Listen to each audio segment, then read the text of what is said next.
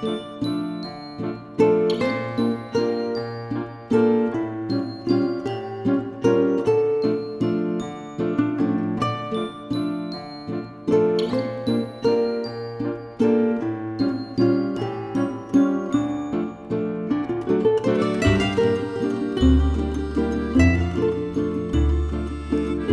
عليكم ورحمة الله وبركاته. أهلا وسهلا بكم جميعا. يرحب بكم فريق مايند للاستشارات النفسية والتدريب. بالحديث حول موضوع مختلف جدا آه ونعرف كثير أن المواضيع والحديث عن الجوانب النفسية. أصبح أعمق وصارت الجوانب والاتجاهات عديدة. فالتثقيف النفسي صار مهم جدا آه لأنه يساعد في بناء أساس نجاح العملية العلاجية وفي سير الحياة. وراح يكون يوم مليء بالنقاش الثري مع الدكتور المختلف جدا الدكتور سامي سعد استشاري الطب النفسي العصبي. أهلا وسهلا فيك دكتورنا العزيز. سعيدين بتواجدك معنا وبإذن الله راح نكون مستمتعين في النقاش والحديث معك دكتور سامي. يا أهلا وسهلا فيك. يا عليكم السلام ورحمة الله وبركاته. أهلا وسهلا بتول يعطيك العافية. و... وأنا أسعد. شكرا مقدمة لطيفة. الله يسعدك دكتور سامي.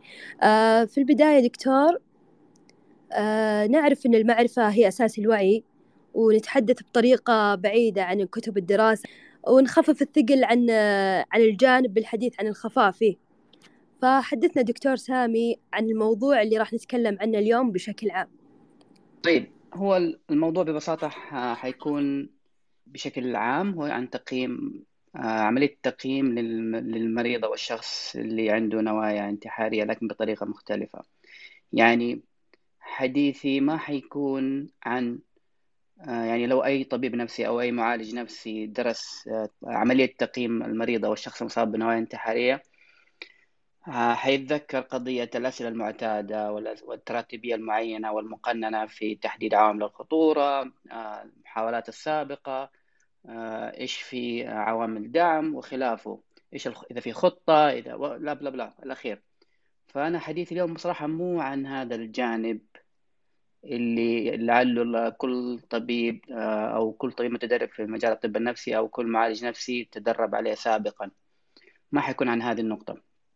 وما حيكون كمان عن ما حيكون كمان عن تقييم شخص قام بمحاولة يعني حديثة في إيذاء النفس. يعني مثلا الشخص جاء الطوارئ أو الشخص جاء العيادة وغالبا في الطوارئ يكون جاء وهو للتو يعني قام بمحاولة فيها إيذاء للنفس. لأنه هذا هذا الحديث أو هذا السيناريو هذا سيناريو مختلف بشكل جدا جذري وكمان نسبي. يعني قلت جذري لأنه الحديث والمدخل والأسئلة في شخص قام بمحاولة حديثة في حيكون مختلف. عن الشيء اللي حتحدث عنه اليوم. وكمان قلت نسبي لأنه في تقاطعات كثيرة بين اللي حنقوله اليوم آه سواء كان شخص قام بمحاولة حديثة أو شخص نقيمه هو لديه نوايا آه خلينا نقول انتحارية أو نوايا إيذاء للنفس. هو بصراحة الحديث حيكون بالخصوص عن تقييم النوايا الانتحارية لمريض أو شخص لم يقم بمحاولة انتحار أو إيذاء النفس هو يعني شخص فرضا يعني حضر العيادة أو شخص حضر الطوارئ أو شخص تم تقييمه في مستشفى وقال لك الفريق الطبي أو أو كان التحويل إنه والله هذا المريض قال لنا مثلا إنه هو ما بيكمل حياته أو إنه هو قال إنه أنا بموت. وهذه تصير بشكل شائع يعني. إنه يجي تحويل إنه تعالوا قيموا المريض هذا اللي عنده بين قوسين نوايا انتحارية. يعني هو شخص لم يقم بمحاولة لكن لديه أفكار. فحديثي عن هذا هذا الجانب حديثي عن عن الشيء اللي ما بين السطور اللي الشيء اللي نتعلم ونتدرب عليه. في هذا الجانب حيكون حديثي بإذن الله تعالى.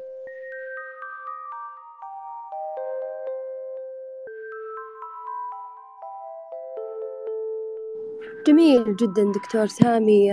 لكن أكيد دكتور وراء أي موضوع يعني أو جانب نتحدث له ونتطرق له يكون في موقف أو فكرة أو حدث يصير ويخلينا نتكلم عنه. ما هي الأزمة اللي دفعتك دكتور للحديث عن هذا الموضوع بالذات؟ طيب سؤال لطيف. بصراحة يعني يعني أنتم لما كلمتوني إنه نتكلم عن الموضوع فأنا الموضوع هذا جاء في بالي لعدة أزمات أو أشياء أنا مررت فيها أو شاهدتها. يمكن السبب الرئيسي لهذا الموضوع هو ملاحظتي إنه في احتياج كبير بصراحة للحديث عن هذا الأمر اللي قد يبدو بديهيا. في يعني في موضوع. يعني إيش اللي يصير في العادة؟ خلينا نقول إني أنا أروح أقيم مريض ومعايا فرضا طبيب متدرب أو شخص متدرب. فأنا أطلع على الشخص أو الطبيب المتدرب كيف يقوم بعملية تقييم المريض بالعموم وكمان بالخصوص في تقييم النوايا الانتحارية لهذا المريض. ف اللي يصير إنه المتدرب يعني عادة يعني يبحث عن إجابة الأسئلة المهمة اللي يجب تغطيتها فتلاقيه حريص جدا على إنهاء هذه الأسئلة وإيجاد أجوبتها. حريص إنه يسمع الأجوبة اللي مثلا الطبيب الاستشاري ولا اللي ينتظر مني أنا إني أسأله عنها. أنت هل سألت عن النقطة؟ هل سألت عن ألف وباء وجيم ودال؟ ف... فهو تلاقيه كده بنوع من القلق بنوع من التوتر في خلال ال ال يعني خلال التقييم يبحث عن أجوبة الأسئلة المهمة وهي مثلا عن وجود أفكار تمني الموت وأفكار انتحارية وخطط إلى آخره. فنسأل عن عوامل الخطورة المتناثرة وأحيانا يعني اللي هي العوامل الخطورة اللي نعرفها كلنا تلاقيه كذا واحد يرصها واحد اثنين ثلاثة أربعة خمسة ستة بشكل سريع بشكل مقلق. بالرغم إنه هذه عامله خطوره ترى يعني المتناثرة دي اللي نعرفها كلنا جدا معتاد إنك تجد محاولات انتحار أو محاولة أو عمليه انتحار تمت بدون ما يكون لدى الشخص أي عوامل خطورة. لكن بعد ما أخرج من الغرفة بعد التقييم من المريض هذا ومعي طبيب مدرب أنا أسأل الطبيب المدرب بسؤال أو أسأل الاخصائي النفسي مثلا سؤال بديهية جدا أقول له ليش هذا المريض أو ليش هذا الشخص يعني يبغى يعني يقدم على عملية الانتحار. ليش يبغى بين قوسين ينتحر؟ إيش اللي خلاه إيش الشيء اللي يجعله يريد أن يفعلها حتى لو خرج من عندك؟ فتجد عادة يعني السؤال هذا ما له إجابة مفقود. لأنه نحن منهمكين ومشغولين بالأسئلة المهمة. هل عندك نوايا؟ هل عندك خطة؟ هل سويت قبل كذا شيء محاولة؟ هل مثلا أحد في العائلة صار شيء؟ هل في ضغوطات؟ بس ما تجد ما تجد سؤال مباشر لذات المريض ليش تبى تسوي كذا؟ لأنه هذا السؤال يمكن بالرغم إنه بديهي لكن انشغالنا بالأشياء اللي هي واحد اثنين ثلاثة أربعة خمسة تخلينا كذا مفقودة. فهذا الحرص على إيجاد النوايا والخطط الانتحارية وعامل الخطر وخلافه من الأسئلة المعتادة عند لما نحاول الحصول عليها بشكل كذا استجوابي زي التحقيق يصير. عادة حينها يعني نخسر مع المريض أهم عامل هو عامل إنه المريض يشعر بالأمان خلال التقييم. شخص يجلس في بيئة غير آمنة أو مريض يجلس في بيئة غير آمنة هو شخص أكيد متحفظ وحذر ومنغلق. وهذا يعني هذا التحفظ هذا الحذر هذا الانغلاق هو أخطر شيء الواحد يخاف عليه في مريض أتى لعيادتك أو مريض دخلت عليه غرفته. وعنده نوايا انتحارية. أنا أزمتي الكبرى في لغة الاستجواب هذه اللغة. لغة الشخص اللي تشعر أنه المريض كأنه الطبيب اللي قدامه أو الأخصائي النفسي قدامه كأنه في يده سلاح وقاعد يتحسس كده بحيث أنه في أي لحظة لو المريض قال شيء الطبيب يستخدم قوته ولا يستخدم أي شيء يملكه أنه يعني يخلي المريض في في يعني في لحظة خوف لحظة انغلاق إنه ما يعبر أكثر. هل تبغى من المريض إنه يكون منغلق؟ ولا يحدثك حينها عن الشيء اللي يشعر فيه. وقتها بس علينا نسأل ونسأل بطريقة استجوابية بدون أي سياق. بدون أي إعطاء بصراحة أهمية لتجربة المريض الصعبة. وأحيانا من الأزمات اللي أشوفها هذه من الأشياء اللي ألاحظها كمان. إنه أحيانا ندخل في التقييم أو الطبيب المتدرب أو الأخصائي يدخل في تقييم المريض الذي عنده نوايا انتحارية ب بعباءة المنقذ. فتجد يعني زي اللي أنا بنقذك فأنت هذا الشعور ده إني بنقذك وبحاول أساعدك ترى يعني المريض يشعر وقتها ب... ب... كأنه آه، هو ملزم بالحياء هو ملزم بالسياق هو ملزم بأي طريقة ممكنة إنه يكون كشخص اللي هو أبغى أخليك تنقذني بس ما حكون معك واقعي دور المنقذ حقيقي قاتل في ظني. آه المريض غالبا اللي عنده بالفعل نوايا انتحارية غالبا تفقده أو يعني يروح منك إذا أردت نصحه وإنقاذه في أغلب حديثك في التقييم الأول. من الأزمات كمان إنه قضية الانتحار هي بحد ذاتها موضوع ممتلئ بمشاعر الخزي. لذلك البداية الاستجوابية واللي هي فيها التحقيق لغة التحقيق هذه أشعر أنها بالضرورة تكرس هذا الخزي بشكل مؤلم لدى المريض. عشان كذا من المهم التجنب بأكبر قدر ممكن وأنا أقول بأكبر قدر ممكن لأنه من الاستحالة التجنب الكامل.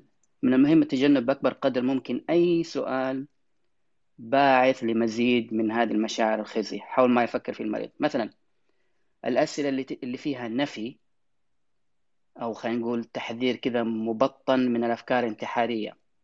هذا سؤال مليء بالمشاعر الخزي. يعني حتى مليء كده بال آه بالايش يقولوا له يعني ال passive aggression يعني كده زي العنف الغير ظاهر. مثلا زي سؤال أنت يعني هل عندك لا سمح الله نوال انتحارية؟ أنت ما عندك نوال انتحارية ولا؟ فهذه الأسئلة يعني هذه اسئله زي اللي قول إيوه ما عندي. لا تقول إنه عندك. فهذا السؤال باعث الخزي يعني يخلي الواحد يخلي المريض يشعر بمشاعر وخصوصا إنه مشاعر الخزي هذه هي بالفعل صح. هذه المشاعر قد تخدم وقد تقلل من من فكرة موضوع الانتحار بحد ذاته. كان عندي مشاعر خزي إني أنا أقدم على العملية هذه وممكن إيش إيش بخصوص أطفالي إيش بخصوص عائلتي إيش بخصوص أهلي إيش بخصوص إنه والله في الآخر إيش يصير لي. فهذه المشاعر الخزي تخدم إنه العملية تقل بالفعل. لكن أن يصل الشخص لنوايا انتحارية حقيقية حينها أعتقد إنه هذا الشخص قد تجاوز مرحلة إنه المشاعر الخزي هي عامل يحميه. وممكن المشاعر هذه المشاعر الخزي تصبح عامل يحفزه لذات العملية الانتحارية لذات انه يقدم عليها. آه، فهذه أحد أحد الأزمات. عشان كذا يعني يمكن من الأزمات الأخرى إنه هل في احتياج كبير إنه إنه يكون في موديل كويس لشخص يقوم بتقييم مريض لنوعية يعني الطبيب المتدرب يجيني مثلا طبيب مدرب على في آخر سنوات تدريبه وأنا أشعر لما يقابل المريض إنه هذه المش... هذه الأزمات كلها تظهر قدامه. طيب هو ليش ما في أحد شافه يقوم بتقييم جيد خلال هذه السنين؟ ما في ما في أمثلة كذا ما في ثقافة انتشرت بإنه يكون التقييم بشكل أكثر إنساني بشكل أكثر احترافي. فهذه أزمة. ويمكن أحد الازمات إنه يا ما في يعني لو قلت لطبيب متدرب مثلا قلت له كم آه كم مرة قمت ب تقييم لشخص عنده نوايا انتحارية فقد يكون والله أنا مريت بمراكز كثيرة واشتغلت دربت اماكن كثيرة ما فيها مرضى بهذه الوفرة. فهذه هذه برضو أزمة.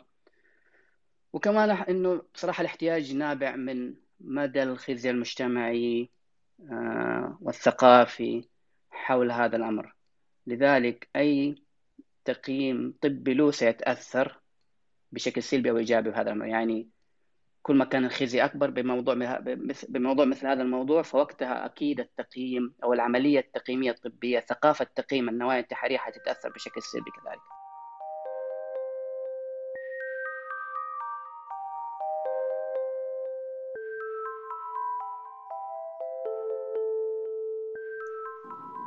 يعطيك العافية دكتور سامي وجميل جدا للأمانة.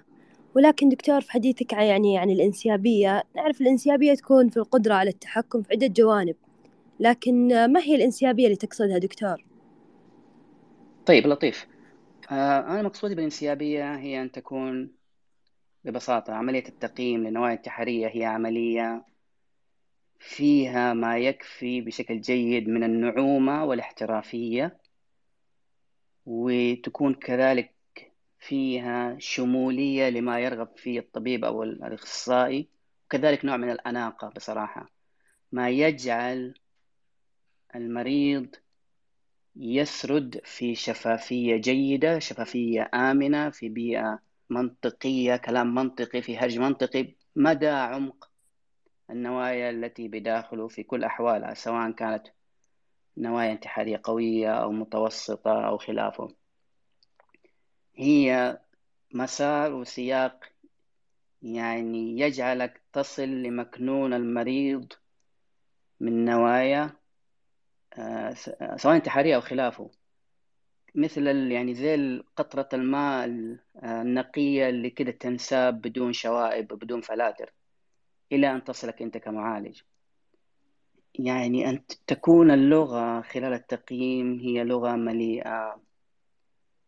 بالإحساس بمعاناة الآخر بين قوسين المواجدة. هي حوار يعني مبني إنه يكون في ثقة في بيئة آمنة في علاقة لطيفة بين الطرفين. وهذا النوع من الثقة حنتكلم عنه في خطوات. يعني مثلا وهذا يعني أنا أقولها والواحد يقول إيش هذا؟ يعني دكتور هذا شيء هذا شيء معروف هذا ألف باء. لكن فكرة إنه إن يكون تكون الجلسة وتكون التقييم هي عملية انسيابية تبدأ من سؤال بسيط زي كيف حالك؟ أحيانا والله أجد إنه صعب. أجد إنه إنه الطبيب اللي المتدرب أو كأي كان الشخص اللي يقيم أجد إنه يعني هذه الانتقال من الكلام المعتاد زي كلمة كيف حالك إلى إلى التقييم الكامل للمريض عنده نوايا انتحارية في صعوبة. يعني في جا في نقطة في كذا في في في حفرة هنا ما ما صارت. فيكون في قفز مباشر لقضية النوايا الانتحارية ولو كان القفز هذا بشكل يعني برضو تحقيقي إنه هو بدأ بأسئلة كم عمرك وأنا اسمي مثلا فلان فلاني وترى كل الكلام سري اللي حنقوله. إيش اسمك؟ إيش عمرك؟ فين تشتغل؟ فهذه اللغة هذا اللي يصير غالبا ترى. وأنا والله يعني هذه مشكلة كبيرة. هذا اللي يصير غالبا. إيش اسمك؟ كم عمرك؟ وفين آه، تشتغل؟ فين ساكن؟ هذا المدخل. طيب يعني أعطيني مدخل ناعم. أعطيني مدخل يبدأ بكيف حالك. يعني أحسه صعب. وهذه الآلية يعني هذه الآلية لها لها دواعيها ولها أسبابها. إنه الواحد كذا يخش بطريقة روبورت كذا آلي رجل آلي في النقاش. يعني هذه أسبابها كثيرة. يمكن مو هذا مكان نقاشنا. لكن بالفعل أشعر إنه صعب إنه يكون في بداية كذا منطقية حقيقية واقعية إنسانية بين شخصين. مو بين طبيب ومريض ولا بين أخصائي ومريض لا بين شخصين تبتدئ بجملة كيف حالك. يعني هل هي الأستاذية الفجة في العلاقة؟ آه، هل هي الربكة اللي تصير؟ آه، في التقييم إنه أنا أخاف إنه آه، أخسر المريض وإنه المريض هذا لا سمح الله إنه يقدم على عملية أو هل هو وأنا هذه النقاط اللي أنا أفكر فيها غالبا هل هو التدريب المستمر على حالات غير حقيقية؟ يعني اللي يصير تدريب مستمر إنه يقول لك يلا نلعب نسوي role playing يعني نسوي كذا مسرحية إنه قاعدين نقيم. فتلاقي الطبيب المتدرب عادة يجلس مع زميله ولا مع يقيمه في قضية النوايا الانتحارية مثلا. فهذا هذا هذا يا كويس جيد على دراسات لكن ما هو تقييم حقيقي ما هو تقييم ما هو عملية ما هو ما في إنسيابية إنسانية اللي نتكلم عنها. فانا بصراحة ما أعرف آه، إيش السبب في هذا الشيء لكن أنا لاحظ صعوبته للكثير. وليس فقط ترى في تقييم المرضى اللي عندهم نوايا انتحارية لا هذا هذه الأزمة أجدها في شكل عام.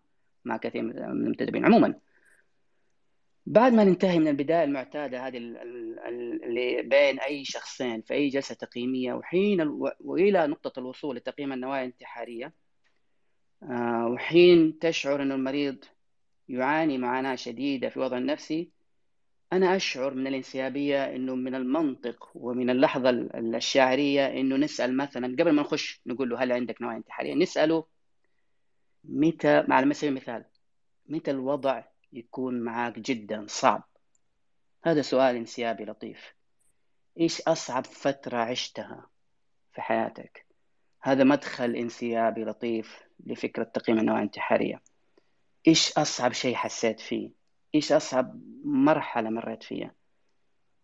وهي وكمان هي صعبة لأي درجة. وبالمناسبة هذا المدخل أنا هنا من الممكن ومن اللي من حسب تجربة. إنه هنا المريض ترى من بالراحة ممكن يديك هي بش... بدون أي سؤال يديك هي يقول لك إنه هي صعبة لدرجة إني بموت أو إني لدرجة إني أبى أنام وما أصحى. هذا الانسياب وصلك للي أنت تبغاه بشكل ناعم. أنت ما قلت له إيش نواياك أنت ما قلت له إيش عندك؟ آه، إيش إيش كنت مخطط أنت ما قلت له ده كله أنت بس قلت له إيش أصعب فترة عشتها في حياتك وهو بشكل منطقي بشكل انسيابي ناعم يقول لك إيوه أنا لدرجة إني أفكر في الموت. هذه البداية البعيدة تمام البعد عن الأسئلة المتعلقة بالموت أو لفظ الانتحار تصنع انسيابية مرة جيدة للدخول لما هو أعمق. وهذا يعني وقتها المريض زي ما قلت بذاته ينطلق في حديثه عن رغبته للموت وخلافه. وهذا أمر يعني هذا أمر حقيقي يعني في مرضى بالفعل يشعروا بصعوبة هذه اللحظات لدرجة الرغبة إنه هو بيختفي وإنه ينام بدون ما يصحى. ووقتها لما تسأل السؤال ده والمريض يديك الإجابة إنه والله أنا إنه يقول لك أنا عندي رغبة إني ما ما أعيش.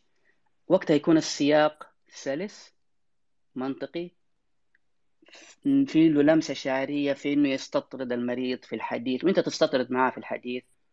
عن نواياه وأفكاره بالتحديد وخططه لو كان في عنده خطط. حينها المريض يشعر بأنه وبرغبة تامة ترى بإحساس ممتع. يشعر أنه مكشوف قدامك وما يمانع أنه ينكشف أكثر. آه لما سألته عن جانب حقيقي وشاعري عن صعوبة الأمر بين قوسين عن صعوبة الأمر وليس عن ذات الأفكار الانتحارية حينها يكون السياق للحديث بين المريض بين المريض والطبيب أو بين المريض والأخصائي يكون حقيقي وإنساني مثل أي جلسة أخرى بين صديقين يواسوا بعضهم من الأساليب كمان أنه تدعم القضية الانسيابية هي أسلوب آه، أسلوب التطبيع آه، لأفكار الرغبة في الموت آه، بشكل يعني شكل منطقي بشكل يعني فيه دبلوماسية إيش معناته؟ وهذه يعني يمكن من أسهل الطرق إنه مفيد مرة في أحيان كثيرة. نقول للمريض أنا مثلا أنا اشتغلت أنا شفت اشتغلت شفت مرضى كثير وأنا اشتغلت في في المجال الطب النفسي كثير. وأحيانا بالفعل مع هذه المشاعر اللي أنت تحكيها مع هذه الصعوبة اللي أنت تتكلم عنها في مرضى كثير بالفعل. تجيهم رغبة إنه أنا ما عندي رغبة إني ما ما الحياة ما ما لها طعم. ليش أكمل؟ ليش ما يعني يجيني رغبة إني أنام وما أصحى؟ فأنا إيش سويت الآن؟ أنا سويت شيء من الطبيعية على هذه الأفكار المتعلقة بالانتحار. ووقتها المريض يبدأ يتشجع أكثر عشان يقول وينطلق.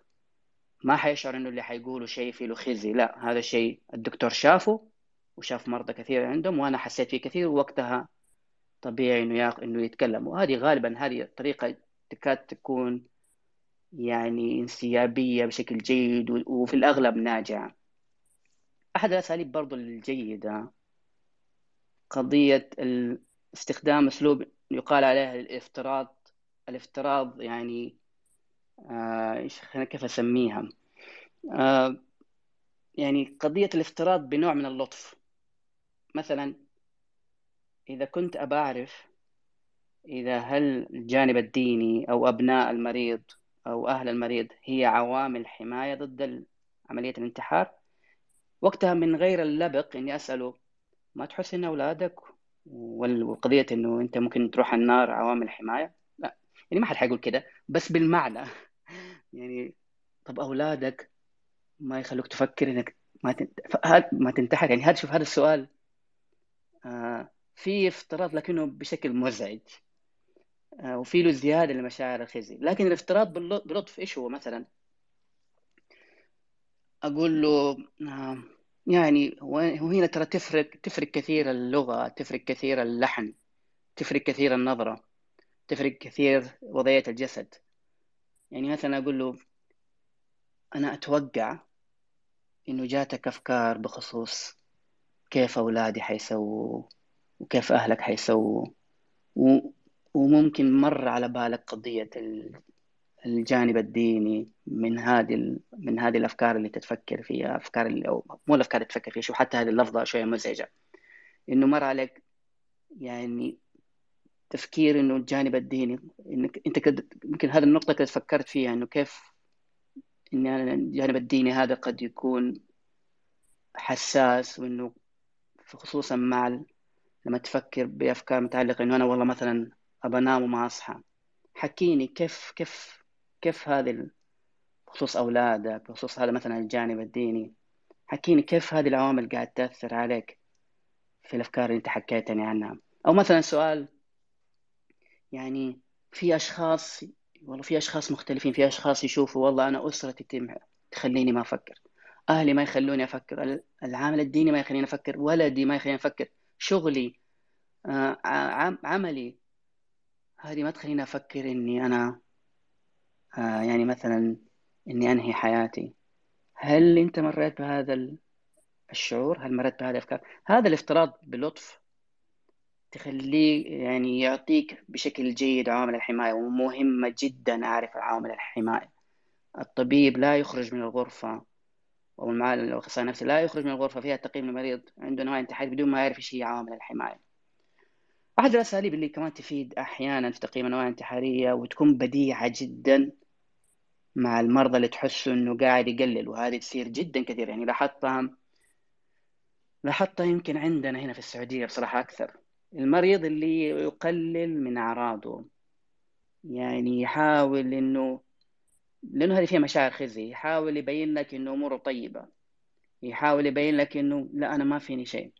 فأحد الأساليب اللي تستخدم وتزيد من انسيابية التقييم هو أسلوب تضخيم الأعراض. إيش يعني؟ مثلا نقول للمريض لما يكون الاكتئاب في أشد أحواله لو لما تكون الضيقة هذه في أشد أحوالها هل تجيك الأفكار إنك أنت تبى تنهي حياتك؟ لمدة. يعني السؤال اللي هو خلينا نقول اللي ما في تضخيم يقول لك ما جاتك لحظات؟ هذا ما في تضخيم. لكن أنا بخش في الشيء التضخيم الأكبر إنه ما تجيك الأفكار هذه لمدة أسبوع مثلا؟ أو مثلا يقول لك والله إنه مثلا جاء في باله إنه ياخذ حبوب أو إنه قبل كده أخذ حبوب عشان يهدي نفسه. فأنا بعد ما أقول له أنت يعني أخذت خمسة لا أنا أخش في شيء أكبر. يعني مثلا أخذت 20 30 فوقتها لما يشوف في ضخامة فمشاعر الخزي متعلقة بأنه يقول المعلومة الحقيقية حتخف. وقتها يديك ال... على الأقل يد... إذا ما أعطاك المعلومة الحقيقية أو المشاعر الحقيقية اللي يحسها أو الأفكار اللي يحسها أو الخطة اللي يحسها أو يفكر فيها يديك بشكل تقريبي آه لها. بعكس لو أنت ما ضخمتها لو ما ضخمتها وأنك أنت حتى وانت ممكن حتى الطبيب ولا الأخصائي النفسي يحس بخزي في الموضوع فبيحاول يقللها. فوقتها المريض يمشي معك في الموضوع. يعني يصبح التقييم كأننا نتكلم عن تابو كذا مع إنه المريض يكون يعاني من الجانب هذا. لكن كلنا نحس ب بإنه الموضوع ما هو جيد وكذا في له مشاعر ما هي لطيفة فتلاقينا نقلل نقلل من الأعراض نقلل من الأفكار نقلل من وأحيانا من المشاعر المزعجة. اشوفها أحيانا دخلت في نقطة ثانية بعيدة عن نقطة الإنسيابية لكن الشيء بالشيء يذكر. أحيانا الطبيب أو الاخصائي النفسي يخش عملية التقييم وهو في داخله هذا شيء طبيعي. في داخله يتمنى أن تكون العملية فيها من السهولة ما فيها. ما يبغى يجي يخش على مريض يقول لي أنا عندي وعندي وعندي أفكار وعندي وعندي. لا يتمنى هو يخرج من هنا والأمور طيبة. فتلاقي الأخصائي أو الطبيب يقلل وكده بمشاعر خزي كبيرة يتكلم عن أشياء وكده يتجنب إنه الموضوع يكون كبير. فتلاقي ما يضخم ما يضخم الأعراض. لكن تضخيم الأعراض خصوصا لدى المرضى اللي يحاول يكون كل شيء طبيعي ويقللوا من أعراضهم يساعد كثير إنه يعطيك المريض المعلومة الحقيقية. في سؤال صراحة مهم جدا في التقييم. آه ولكن الخوف فينا يمنع من سؤاله برغم من أهميته. اللي هي سؤال زي ما قلت اللي هو السؤال بين قوسين كده بشكل مباشر إيش الشيء اللي يمنعك إنك أنت تسويها؟ نقول المريض إيش الشيء اللي يمنعك إنك أنت تقدم على العملية؟ هذا السؤال ما هو سهل. تخيل أنت جالس تقيم وأكيد كل يعني أغلب اللي هنا الزملاء اللي شافوا وقيموا جاته المشاعر هذه. يخش المريض يقول له تخيل المريض يقول لك أنا عندي نوايا بس ما عندي خطة أو عنده خطة بس ما نفذها. فأنت تيجي تقول له كذا ببجاحة تقول له إيش اللي ما خلاك تسويها؟ السؤال مو هين لكنه سؤال جدا مهم. هذا السؤال ترى بالمناسبة الدراسات يعني كثير من الدراسات ترى إنه عدم سؤال عدم طرح هذا السؤال هذا شيء قد يرفع من احتمالية إنه المريض يقدم على على الشيء اللي هو يفكر فيه. وطرح هذا السؤال يقلل مع إنه هذا السؤال ده حساس لكنه طرحه يقلل من احتماليه إنه المريض قد يقدم على على على الشيء اللي هو يفكر فيه.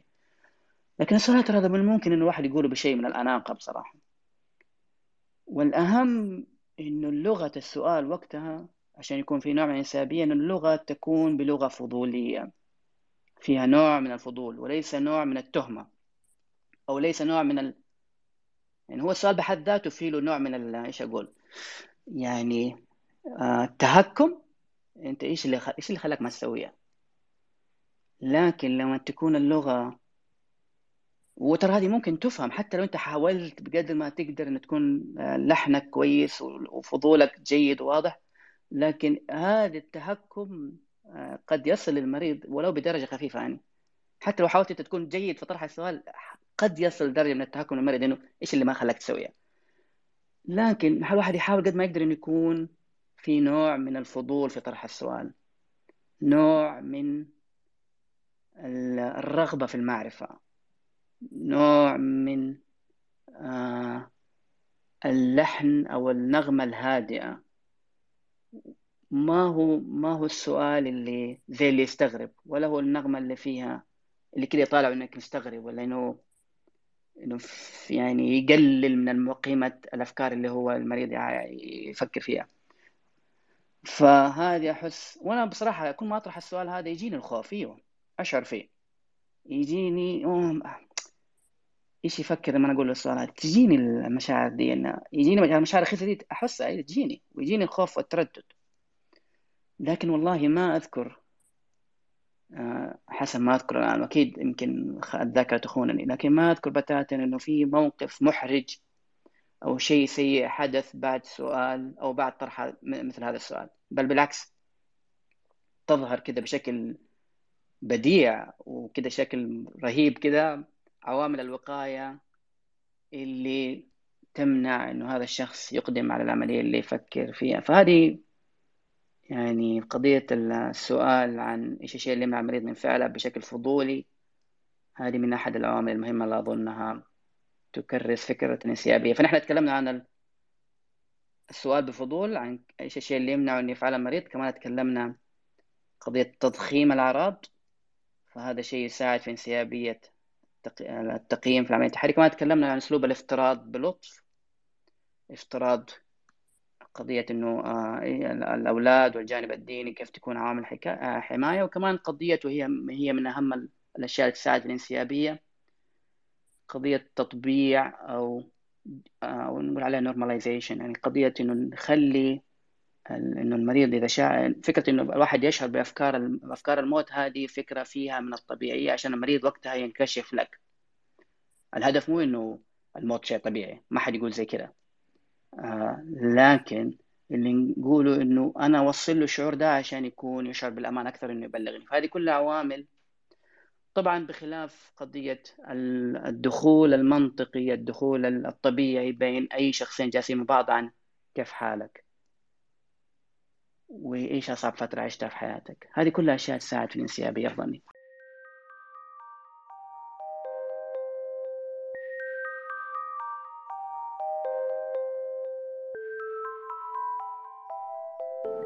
رائع جدا وسلمت دكتور سامي.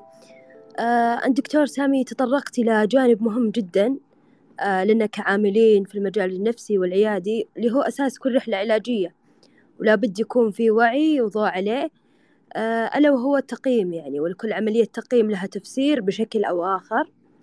ولكن هل هنالك تدرج في التقييم دكتور سامي؟ جميل. يعني هي كل الأشياء اللي ذكرناها فيها نوع من التدرج. آه، في القضية الإنسيابية اللي تكلمنا عنها.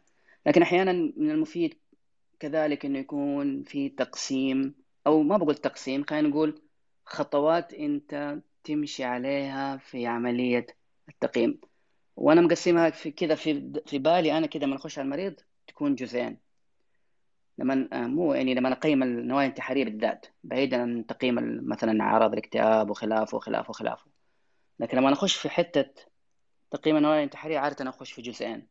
الجزء الأول هو الشيء اللي تكلمنا عنه في الانسيابية واللي هو يعني يعني اللي هي جزئية الأسئلة العامة جزئية الأسئلة المليئه بالفضول والافتراضات وقضية الأسئلة المفتوحة عشان المريض يشعر بالأمان. هذا هو الجزء الأطول من التقييم اللي هو كل النقاط اللي ذكرناها قبل كده. الجزء الثاني هو الجزء اللي فيه أسئلة مباشرة. وكمان بشيء من الفضول يعني ما يكون كده تحقيق لكن لا أسئلة يتم فيها إغلاق ما يمكن إغلاقه وأنا ما استطعت إني أجده في ال في ال في الانسيابية اللي صارت في الجزء الأول. الأسئلة اللي تحتاج نقطة في نهاية السطر. وهذه ستكون مباشرة تحديدية ومغلقة. يعني لا يخرج لا يخرج الطبيب.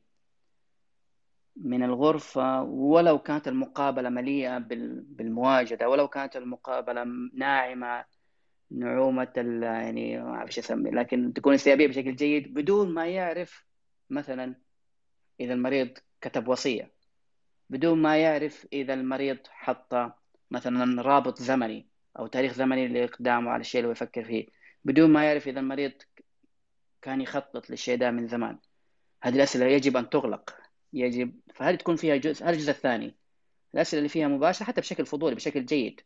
وترى أنت لو لو أنهيت الجزء الأول بشكل أنيق الجزء الثاني يكون يعني لأنه في نوع من الأستاذية في العلاقة أكيد لازم تكون في نوع من الأستاذية في العلاقة. فالوقت المريض يكون آمن ومنكشف لك بشكل جيد بحيث إنه هذه الأسئلة هي من الشيء الطبيعي إنه الطبيب يسأل ومن الشيء الجيد إنه المريض يجاوب عليها فما يكون فيها غرابة في الإجابة عليها فهو الجزء الثاني هو الجزء اللي أنا أقوم فيه بإغلاق الأمور الحساسة المهمة التي لابد من معرفتها قبل ما أخرج من الغرفة. ويعني وهذه تصير كثير. لما يتعقد الموضوع لأي سبب لنفترض وهذه تصير يعني, يعني قبل فترة يعني قبل كم أسبوع مريضة مثلا عندها أعراض دهانية أو عندها يعني جانب آه، يعني أيا كان ما بقول تشخيصات معينة لكن عندها أعراض تمشي في في جانب يجعل خلينا نقول الحوار اللي اللي هو المعتاد اللي يصير بين أي شخصين يكون صعب مع المريض هذا. مثلا لأعراض ذهانية أو لنقص قدرات عقلية أو إنه لعوامل تأثير بأدوية أو خلافه فوقتها الوضوح التام في السؤال عن أنواع الانتحارية مهم. فكرة الانسيابية هذه حلوة لكن أحيانا ما تزبط. فأحيانا لازم تخرج من الغرفة وأنت عارف تسأل سؤال مباشر وبشكل جدي وبشكل بنظرة جيدة. هل مثلا هل عندك نوايا إنك تسوي شيء في نفسك؟ إذا كان في إذا كان مثلا مريض عنده اللي هو وأنا للأسف ما أعرف إيش اسمه بالعربي لكن هو اللي عنده المرضى اللي مثلا عندهم خلينا نقول الفصام أو ثنائي قطب عندهم لما تساله عن سؤال يقوم يلف يلف حول ال... الإجابة ما يجي ما يديك الإجابة حقت السؤال. هذا هذا النوع من أنواع يعني ما بقول نوع من أنواع التفكير لكن هذا عرض مرضي في التفكير. فتلاقيه يلف ويدور ويدور ما يعطيك الإجابة. أنت قاعد على قولتهم تبنط معاه وتفحط معاه عشان تبغى تاخذ المعلومة هذه ما يعطيك هي. فوقتها لازم تكون واضح. لازم تخرج من الغرفة دي وأنت عارف. قضية الانسيابية هذه تصلح مع مرضى كثير لكن في أحيان كثيرة ما تزبط مع مرضى. في نقطة أخيرة في قضية التدرج وهذه فيها يعني نقاش كبير وأنا أؤيد هذا أنا أقول النقطة هذه الأخيرة لأني أؤيدها. أحس إني مرتاح معها ويمكن كثير من الزملاء يختلفوا معي فيها. اللي هو سؤال هل المريض نسأله في كل زيارة نرى عن نوايا انتحارية؟ يعني أنا حتى والله درجة أنا يعني أنا حتى لدرجة إنه أميل كمان يعني لأنه حتى لو كانت الزيارة الأولى أحيانا كثيرة تشعر إنه ما أنت بالضرورة تخش في قضية النوايا الانتحارية. إذا كان الأعراض إذا كان السياق وإذا كانت المشكلة اللي حضر فيها المريض لا تدل على نقطة إنه في نوايا انتحارية ولا ولا يصل الموضوع لهذا الجانب. فما هو منطقي يعني الواحد من ال يعني يعني ما هو ما هو شيء نقف يعني زي يعني جاب بالي مثلا. مو زي دفتر السنتوب كذا لازم أغلق كل حاجة وأخلصها وأجمع الملصقات وعشان لازم لازم يجاوب لي على موضوع الانتحار. يا ابن الناس ما في شيء يدل إنه في انتحار. وكمان في ال follow-up لازم كل follow-up أسأله عن موضوع الانتحار قضية المراجعة. كل مراجعة اساله عن موضوع الانتحار. هذه بصراحة أنا لا أراها بتاتا. وتي مزعجة. مزعجة للمرضى. وأنا أكيد يعني هذا المرضى سمعت يعني أذكر قبل قبل حوالي قبل حوالي والله شهر يمكن. قاعد كانت معي الله يعطيه العافية واحدة من الدكاتره من الأطباء المتدربين معي في العيادة. فوقتها هي يعني كذا كان نقاش يعطيها العافية من النوع الفضولي ما اعرف اذا هي موجودة معنا هي قاعدة يمكن تحضر. Anyway فهي يعطيها العافية دكتورة شروق آه، الغامدي ما اعرف اذا هي موجودة ولا عموما فهي سألتني سؤال لطيف. دكتور هل نحن نسأل ما كل مريض يجي عن موضوع النوايا الانتحارية وخلافه فأنا اديتها وجهة نظري. قلت لها لا إذا السياق وإذا النقاش وإذا الأمور لا تدل ذات المراجعات لا تدل إنه في جانب إنه في موضوع انتحار فأنا وقتها أتجنب. لأنه الموضوع يعني موضوع كان كأنك أنت ما أنت كأنه ما في ثقة. أنت كل شوية تقابلني تسألني عن بنتحر وما بنتحر شغلت أنا يعني. ف فالعلاقة تصير علاقة تجارية بحتة. أنت قاعد تخلص أمور معايا ما أنت قاعد تعطيني علاقة إنسانية جيدة. أيوه إذا في داعي إذا في شيء صار إذا في شيء أعراض إذا حارس أيوه أسأل. لكن الأمور نسبيا جيدة المريض جاء لعيادتك يبغى مساعده مراجعة ما في داعي تسأل. فهي سألتني السؤال هذا واديتها الإجابة دي. وبعدها المريض اللي دخلت بعدها كانت في آخر الميتنج قالت لي دكتور أنا مبسوطة منك. ليش؟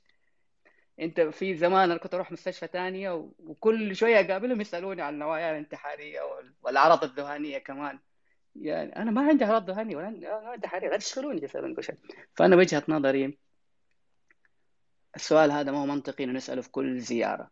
لأنه في اختبار لثقة العلاقة بيننا. وحتى لو كان في ألطف شكل له. نحن نسأل لما يكون في سياق داعي لهذا السؤال.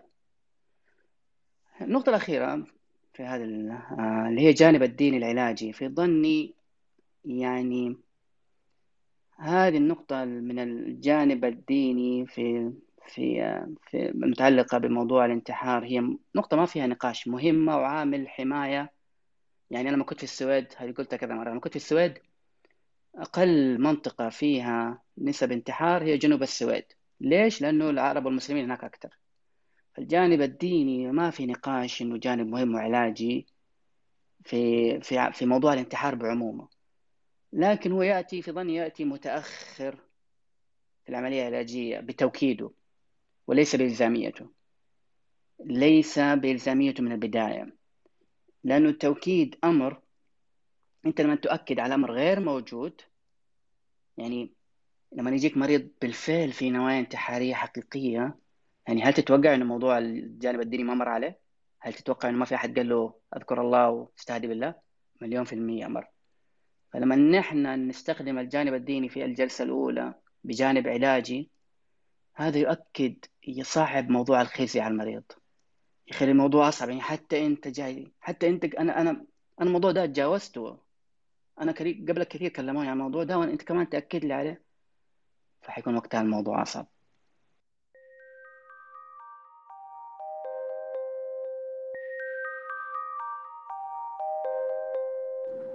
جميل جدا دكتور. يعطيك العافية.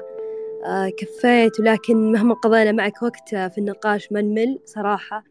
من المحتوى والمخزون الثري, الثري ما شاء الله اللي عندك ولكن الوقت كان آه، سريع جدا آه، في النقاش ومر فينا بعدة اتجاهات.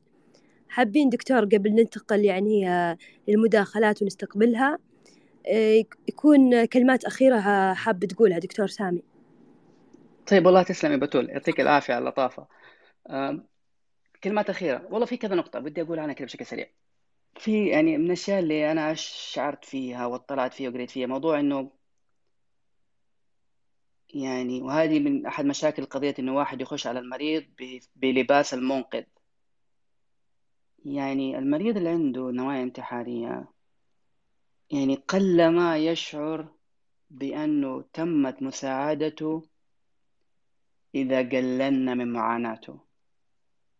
أو يعني نرغمه بشكل غير مباشر بالشعور بالخزي في أسئلتنا. تقليل المعاناة. إحساسه إنه الأمر أكيد حيعدي. أو إنه واحد أجرم جريمة كبيرة وقال له إنه والله أنت يعني آه، غيرك أسوأ. ما أظن في أحد حيسوي كده بس يعني نفترض إنه والله أنت أحمد ربك تبغى المريض اللي جنبك عنده سرطان وخلافه. تقليل المعاناة أيا كانت المعاناة اللي يعاني منها المريض. في في الزيارة الأولى في التقييم الأول هذا يعني أشعر إنه ما حيس في ظني ما حيساعد. يعني ولو صار ما يصير في الجلسة الأولى. لأنه أنت لو تركز على المريض اللي عنده بالفعل نوايا انتحارية ترى أو من الكلمات اللي حيقول لك هي هذا لو أنت سألت كمان ها مو إنك مشيت بالطريقة الإلكترونية الآلية واحد اثنين ثلاثة تساله الاسئله الاستجابيه لكن لو أنت سألت ليش أنت تبي تسوي كذا؟ إيش الإجابة المعتادة؟ الإجابة المعتادة يقول لك أنا ماني حاسس بمعنى ده كله فأنت يعني محاولة ربط معاناته بأي معنى في الجلسة الأولى. وأعيد وأكرر في الجلسات الأولى قد يكون منطقي في الجلسات اللاحقة لو كان علاج نفسي. لكن في جلسة التقييم ربط معاناته بأي معنى سواء كان المعنى هذا إنساني ديني أو خلافه أشعر إنه ما هو منطقي. ما هو منطقي إني أدفع بشدة إنه لازم يلاقي معنى من الموضوع. لأنه هو هو جاك لأنه ما لقى معنى. فما حيكون في يدنا عصا سحرية نلاقي له معنى من أول جلسة. اللي يفيد فعلا ويساعد في التقييم أو في نهاية التقييم أو أيا كان في حتى مو نهاية والله في طوال رحلة التقييم في الجلسة هي المحاولة بين قوسين المحاولة إني أشارك فهم المعاناة اللي يعيشها المعاناة اللي جعلته يصل لهذا الجواب. ما في معنى لحياتي أشارك المعنى أشارك المعنى هذا. أشارك وأحاول أشارك فهمه. هذه الرغبة في المشاركة الفهم هي اللي تفرق. هي اللي تحسس الواحد بالأمان اللي المريض يحسس إنه قاعد يتكلم بشكل آمن يحسس إنه هو مفهوم مرئي للي قدامه. آه نقطة من النقاط كمان ودي أقولها في الأخير إنه ترى نحن ما نمنع لا ما نمنع قضية الانتحار بكمية الأسئلة واستدراك كل عوامل الخطورة واستدراك كل عوامل الحماية وخلافه. وترى في يعني في في مراجعة تحليلية مرة كبيرة كانت قبل كم سنة وتناولت فوق خمسين دراسة عن عوامل الخطورة اللي نحن نعرفها كلها. والنتيجة إنه ما في العوامل دي اللي نحن نكررها ونسأل ما هي بديك القوة اللي تخليك تتنبأ إنه المريض اللي حيخرج من عندك ما حيسويها. لذلك لما يكون عندنا رغبة شديدة ومزعجة وتحقيقية استجوابية في عملية التقييم للمريض بالنوايا الانتحارية حين اللي نحن نسويه هو بصراحة نحن ما نمنع ما نمنع حدوثها في الحقيقة. يمكن اللي يصير وقت إنه نحن نخاف اللي يكون الدافع هو خوفنا من إنه يصير لوم علينا لو المريض أقدم عليها يصير لومنا قضائيا لومنا من المسؤول. الشعور بالخزي من إنه في أحد جاء من عندنا ونحن آخر واحد شفناه. هذا هو اللي يخلي الواحد مربك يخلي الواحد بيستجوب يخلي الواحد م... السياق كله يكون مزعج في التقييم. لكن اللي يمنع الإقدام على الانتحار زي ما ذكرت هي صنع علاقة علاجية صنع محاولة فهم المعاناة. صنع علاقة علاجية آمنة. المريض يشعر بأنه في مشاعر حقيقية في أحد فاهمني. وبأنه في حالة أمان وأنه مسموع ومرئي. لنا ومفهوم الشيء اللي هو قاعد يعاني منه. نقطتين أخيرة إنه دائما لما مو دائما أغلب الأحيان لما أكون كذا رايق وأخرج من عند مريض قيمناه فعادة أحد الأسئلة اللي أسألها خصوصا لو كان التقييم الأول أقول للي معي الطبيب أنت إيش حسيت؟ إيش اللي حسيته؟ يعني كان في عندنا يعني هذه مريضة قبل أسبوع آه وهي ما زالت معنا. فكان في في يعني في تفكير هل هذه المريضة هي عندها اكتئاب ولا عندها هذيان؟ واحيانا يكون جدا صعب نفرق بين المريض اللي عنده اكتئاب ومريض عنده هذيان. الهذيان اللي هو يجي للمريض بعد إصابته بمرض جسدي أو خلافه. أحيانا يكون مرة صعب نفرق هل هذا اكتئاب ولا هذا هذيان؟ فدخل معايا واحد طبيب أعصاب معانا هو يتدرب. و... وأنا قلت له أول ما خرجت قلت له أنت إيش حسيت وأنت قاعد تتكلمها إيش حسيت جوا؟ فقال لي حسيت بحزن. حسيت إني حزنان. هذه هذا اكتئاب ولا هذا قال لي لا هذا اكتئاب. وهي الدلائل يعني هي كان بالفعل فيها صعوبة المريضة لكن مع الأسئلة مع التاريخ المرضي أنا كان كنت مائل لموضوع الاكتئاب حسب كذا دلائل منطقية. بعيدا عن الشعور الداخلي لكن الطبيب قلت له أنت إيش حاسس؟ قال لي حاسس بحزن فالثقة بالإحساس الداخلي جزء مهم وجدا مهم في عملية التقييم النوايا الانتحاريه أنت لو حسيت داخلك إنك ما أنت مطمن مع المريض هذا إنك أنت مطمن مع المريض هذا هذا الإحساس آه عليك أن تثق فيه بعض الشيء آه. وكويس تسأل اللي معك الشيء الأخير آه اللي هي حقيقة يعني يمكن لما أقول أنا للزملاء هنا في السعودية ما ما ما تصنع صدى كبير لكنه يعني هي جملة معروفة آه، على الأقل في المكان اللي اشتغلت فيه برا. اللي هي قضية إنه أحيانا كثيرة ترى نحن ما نقدر ما نستطيع أن نفعل شيء بعد التقييم. حتى لو كان تقييمك في غاية الروعة حتى لو أنت حاولت حتى لو أنت كنت انسيابي لأي قصى درجة ممكنة أحيانا كثيرا ما نقدر نسوي شيء. لذلك دائما يقال إنه في نوعين من. الأطباء النفسيين أو المعالجين النفسيين. النوع اللي هو النوع الأول اللي هو طبيب لديه اوريدي يعني عنده مريض أقدم على عملية الانتحار.